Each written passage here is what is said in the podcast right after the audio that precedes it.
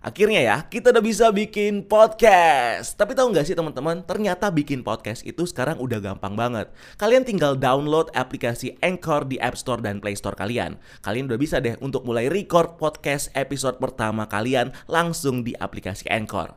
Bahkan kalian juga bisa edit podcast kalian langsung loh. Di aplikasi Anchor, podcast kamu bakal didistribusikan ke podcast streaming platform seperti Spotify, Apple Podcast, dan masih banyak lagi. Dan yang pasti, gratis. So yuk download aplikasi Anchor di App Store dan Play Store kalian atau kunjungi www.anchor.fm.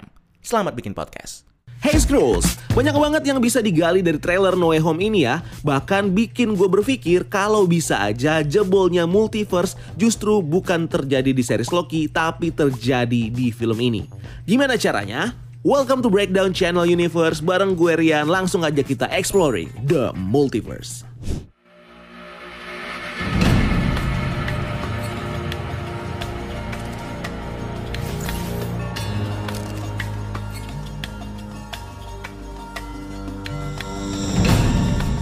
Jebolnya multiverse bakal jadi masalah besar di Phase 4 Marvel Cinematic Universe. Asumsi masalah universe ini muncul dari waktu judul film kedua Doctor Strange in the Multiverse of Madness dikeluarin sama Marvel Studios. Yang bikin kita langsung mikir kalau multiverse ini bakal jadi event paling besar yang bakal ngebawa pengaruh yang gede banget di MCU. Bahkan multiverse digadang-gadang bakal jadi cara buat menggabungkan berbagai judul-judul film Marvel yang kepisah-pisah dari dulu. Dari universe-nya Marvel Sony yang include sama karakter turunan turunannya Spider-Man sampai universe-nya Marvel Fox yang termasuk di dalamnya Mutant, X-Men, dan juga Fantastic Four. Semua akan dengan mudah dijawab dengan konsep multiverse yang berjalan secara paralel dengan Marvel Cinematic Universe. Universe yang dianggap timeline utama yang udah kita ikutin dari 2008 dan udah punya 20-an lebih film sejauh ini. Multiverse di MCU ini pertama kali ditis di film Doctor Strange pertama, di mana The Ancient One ngejelasin ke Doctor Strange tentang multiverse dan berbagai realm atau dimensi yang eksis, tapi nggak secara jelas dijelasin multiverse itu seperti apa. Multiverse juga mulai diperjelas di film Avengers Endgame yang memperkenalkan konsep time travel dan multiverse bisa terjadi kalau adanya perubahan di satu timeline yang membuat perubahan signifikan di timeline itu. Yang artinya, kalau yang melakukan time travel mengubah sesuatu yang signifikan di masa lalu, justru tidak akan mengubah masa depan, tapi akan membentuk satu timeline baru yang berbeda dari timeline yang ada. Dan multiverse secara gamblang dimunculkan dan dijelaskan dengan detail di series Loki, di mana Loki membuat timeline atau universe baru di awal series dengan kabur menggunakan Tesseract. Padahal seharusnya dia dibawa dan ditahan sama Shield dan bakal dibawa pulang ke Asgard. Nah, kejadian ini kita tahu disebut sebagai Nexus Event. Di sini ada TVA atau Time Variance Authority yang punya tugas untuk menjaga agar universe atau timeline tetap satu di mana timeline ini disebut dengan Sacred Timeline. Dan tugas mereka juga meriset atau ngeprun timeline yang bercabang atau sosok yang jadi pemecah timeline ini menjadi bercabang atau yang kita tahu yang disebut sebagai variant. Fungsinya adalah untuk menjaga agar universe tetap menjadi satu. Hingga akhirnya di akhir series kita diperkenalkan dengan sosok di balik TVA yang adalah He Who Remains yang menjadi konseptor dan penjaga utama dari universe agar tetap satu.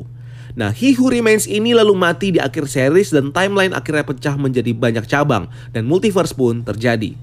Nah, mencari sebab bagaimana timeline bisa pecah dan multiverse ini terjadi pun, ada yang berteori kalau Wanda yang tiba-tiba menjadi super kuat di series WandaVision yang akhirnya membuat multiverse ini jebol. Ada juga yang langsung menyalahkan Sylvie di series Loki, di mana multiverse bisa terjadi karena Sylvie yang ngebunuh He Who Remains yang akhirnya membuat tidak ada laginya sosok yang menjaga timeline sehingga timeline pun jebol. Well, waktu series Loki ini tayang semua orang juga berpikir kayak gitu. Nah, setelah ngeliat trailer Spider-Man No Way Home, gue jadi mikir kayaknya kejadian ini nih yang bikin multiverse jadi jebol. Kita tahu di trailer Spider-Man No Way Home, Peter Parker minta tolong sama Doctor Strange atas masalah yang lagi dia hadepin. Di mana sekarang semua orang tahu kalau Peter Parker adalah Spider-Man karena di-reveal dan difitnah sama Mysterio. Peter Parker minta ke Doctor Strange mungkin nggak kalau dia bisa balikin keadaan di mana Mysterio nggak pernah ngebuka identitas si Peter Parker ini.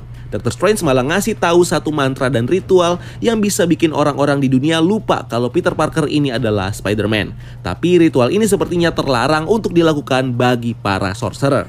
Sebelum ritual ini dilakukan, Wong sempat ngelarang Doctor Strange untuk memakai mantra ini. Kita tahu ada beberapa mantra dan sihir terlarang di antara para sorcerer ini. Di film Doctor Strange, kita tahu ada mantra yang diambil dari Book of Cagliostro untuk memanggil Dormammu.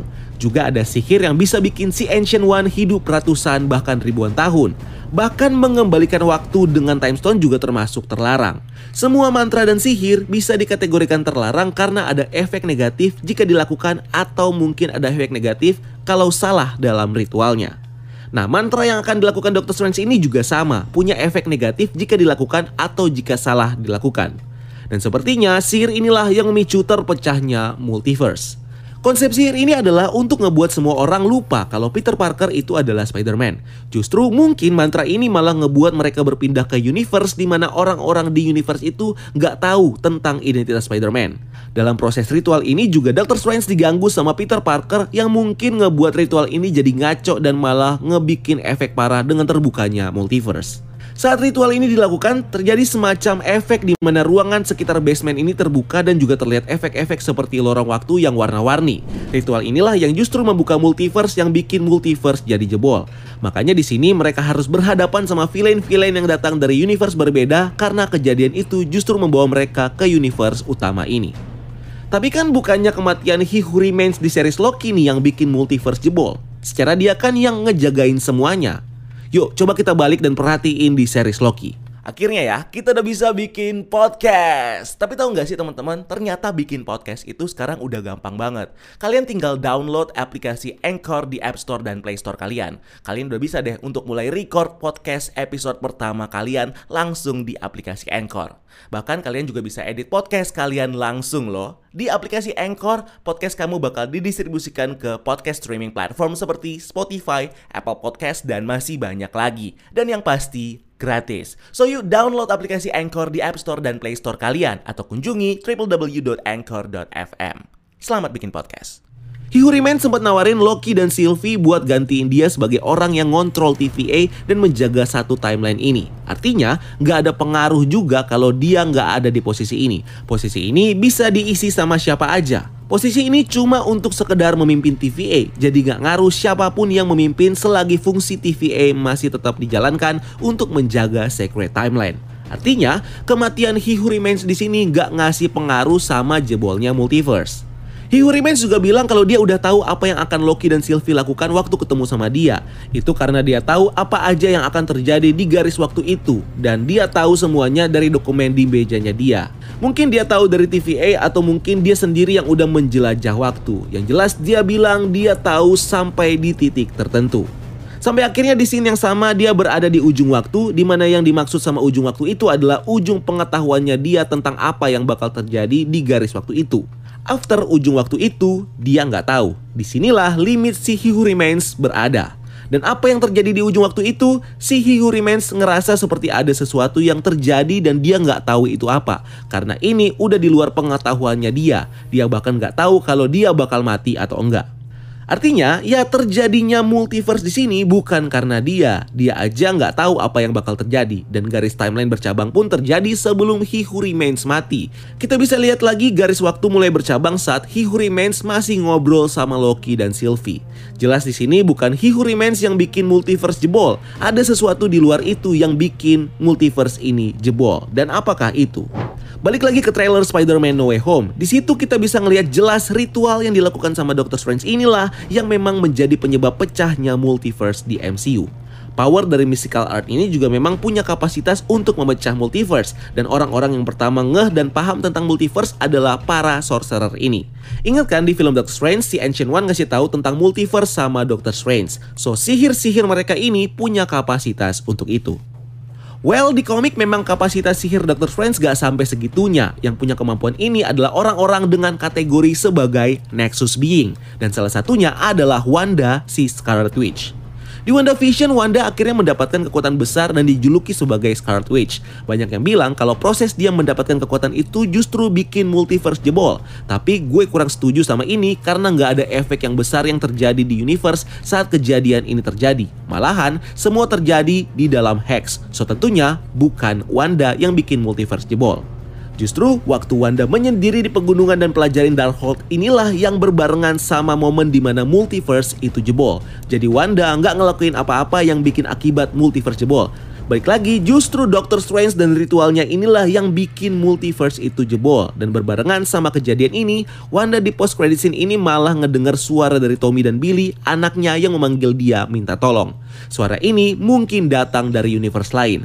Mungkin terjadi semacam Nexus event yang gak kita tahu di series WandaVision yang bikin adanya kemungkinan anak-anak Wanda di timeline baru setelah Nexus event itu ternyata masih hidup.